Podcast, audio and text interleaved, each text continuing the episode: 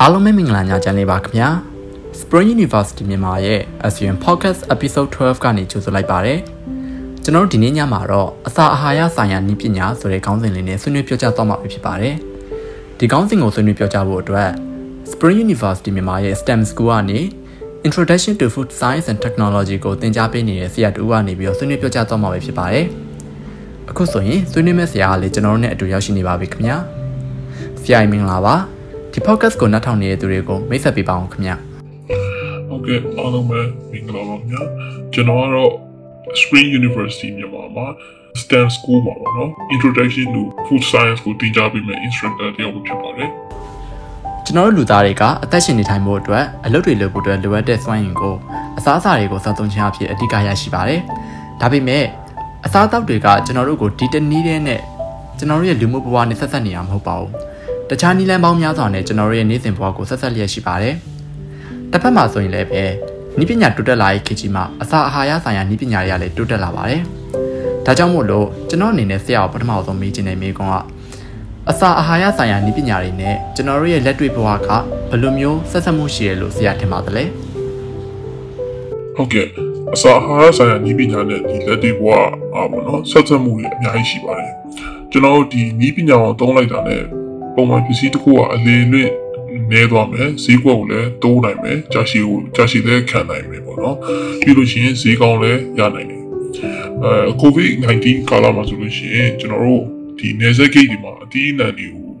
ဟိုနေဆက်ဂိတ်တွေပိတ်လိုက်တော့အတီးအနှံတွေအများကြီးလေလွင့်ဖြစ်ပြီးတော့ပြစ်ပြလိုက်ရအများကြီးတွေးကြအားလုံးတွေးကြမယ်တင်ပါတယ်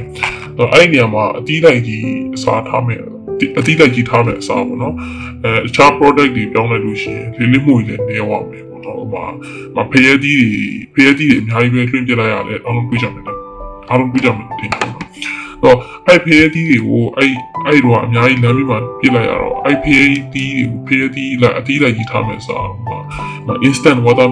melon drink powder လို့ jam jelly လို့ juice တွေလို့အဖြစ်သာပြောင်းလိုက်မယ်ဆိုလို့ရှိရင် ကျွန်တော်ဒီအများကြီးဆုံးချုံမှုတွေအများကြီးနေသွားမှာပေါ့နော်ပုံမှန်အကြီးပဲရောင်းနေမဲ့အစားဒီ value added product တခုလုပ်လိုက်မယ်ဆိုလို့ရှိရင်ဈေးလည်းပိုရနိုင်တယ်အဲ့လိုမျိုးဟို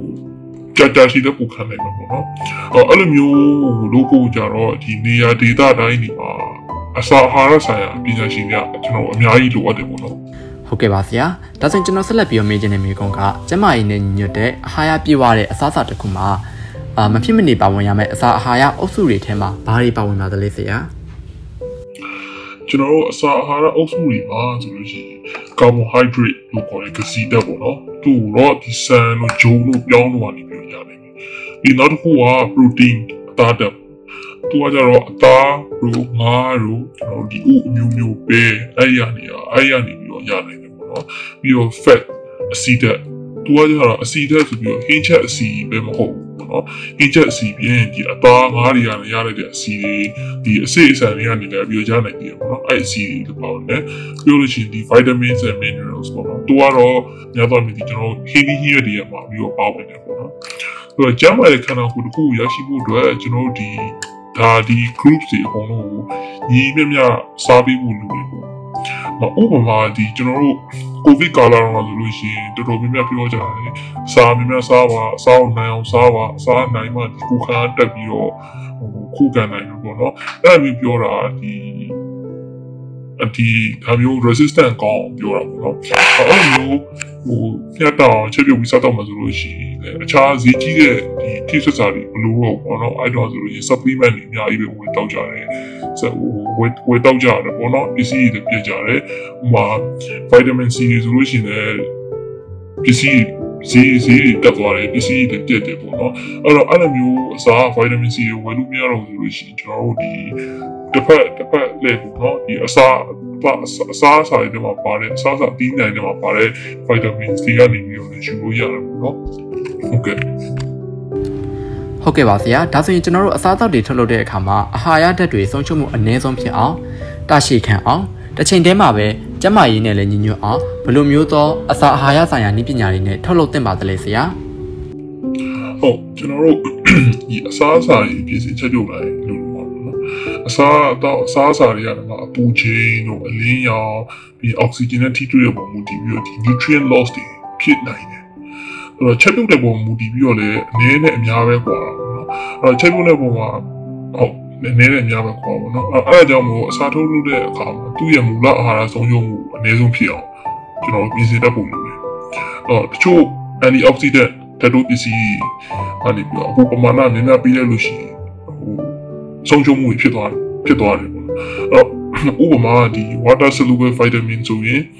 အပူချင်းအများကြီးပြီးပြီးတော့ချက်ပြုတ်မယ်။အိုးအဖုံးကိုဖွင့်ထားပြီးချက်ပြုတ်လို့ရှိရင်ဒီအငွေ့ကနေအငွေ့တွေကနေသူ့ရဲ့သူ့ရဲ့ဟို energy တွေအများကြီး loss ဖြစ်သွားတယ်ပေါ့နော်။အဲတာရှိခန္ဓာလည်းဈေးဝယ်လာပြီးအသားငါးတွေကိုစားနေပြီးထားတယ်။ချို့ဆိုလို့ရှိရင်ပဇွန်လေးတွေကိုအချင်းဖောက်ပြီးတော့ဒီ fermentation လုပ်ပြီးတော့တိန်းတာလေကျွန်တော်အိမ်ကြီးတော်တော်များများတွေ့ရတယ်ပေါ့နော်။အဲအဲ့ဒါလေဒီ homemade preservation method တွေကတစ်ခုပါပဲ။အဲ့လိုမျိုးအဲ့လိုမျိုးကျွန်တော်ဒီဝယ်လာတဲ့အသားငါးတွေပဇွန်တွေကိုအဲ့လိုမျိုးသူတို့စတာ prevent preservation လုပ်တော့ဖို့လိုတယ်ပေါ့နော်။ ဆိုတော့အဲ့လိုမျိုး raw meat တွေကိုသိမ်းတဲ့အခါမှာဒီချက်ပြုတ်ထားတဲ့အစားအသောက်တွေနဲ့ရောပြီးတော့သိမ်းလို့သိမ်းတာမျိုးမလုပ်မလုပ်သင့်ဘူးကျွန်တော်ဘာလို့လဲဆိုတော့ဒီအဲ့ဒါ cross contamination ဖြစ်ပြီးတော့ဘယ်တော့ဖယ်ထိသွားနိုင်လို့ food poisoning ထိသွားနိုင်တယ်ပေါ့နော်အဲ့ဒါကြောင့်မို့အဲ့လိုမျိုးတူတူတော့မသိစီတင်ဘူးညဟုတ်ကဲ့ပါဆရာအခုလိုတတိချာလေးရှင်းပြပေးရတဲ့အတွက်ကျေးဇူးအထူးတင်ရှိပါတယ်ကျွန်တော်နောက်ဆုံးအနေနဲ့မေးချင်တဲ့မေးခွန်းကတော့အစားအစာတွေထုတ်လုပ်တဲ့အခါမှာတကိုယ်ရည်တန်ရှင်းမှုက ဘယ်လောက်ထိအရေးပါတယ်လို့ဆရာထင်ပါသလဲခင်ဗျဟုတ်ကျွန်တော်အစားအစာထုတ်လုပ်တဲ့အခါမှာဒီတကူကြီးတန်ရှင်းမှုကလည်းအရေးအရင်အရေးကြီးရပါအဲ့တော့အစားအစာကိုပြင်ဆင်တဲ့လူကဒီအိမ်မှာပဲဖြစ်ဖြစ်စားတော့ဆိုင်မှာပဲဖြစ်ဖြစ်စက်ရုံမှာပဲဖြစ်ဖြစ်ဘယ်မှာပဲဖြစ်ဖြစ်ပေါ့နော်ကိုယ့်ရဲ့တကူကြီးတန်ရှင်းမှုရှိပဲဒီအစားအသောက်တွေကိုဂိုင်းတွေချက်ပြုတ်ပြင်ဆင်မယ်လို့ရှိရင်သူ့ကနေမှတစင်လူတွေကိုဟို ဒုက္ခပေးနိုင်တဲ့ပိုးတွေဥမာဒီ E. coli တို့ Salmonella တို့အဲ့ဒါတွေကအစာတွေကိုပါသွားနိုင်တယ်အဓိကက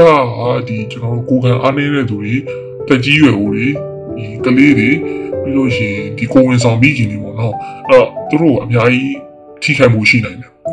ဟိုဝမ်းပြောင်းဝမ်းချိုးတွေလည်းဖြစ်နိုင်တယ်လို့အစာစိတ်တဲ့အစာစိတ်တဲ့မှုတွေလည်းဖြစ်နိုင်တယ်ဘယ်လောက်ဒီအဆိုးဆုံးဖြစ်နိုင်လဲဆိုလို့ရှိရင်ကျွန်တော်ဒီ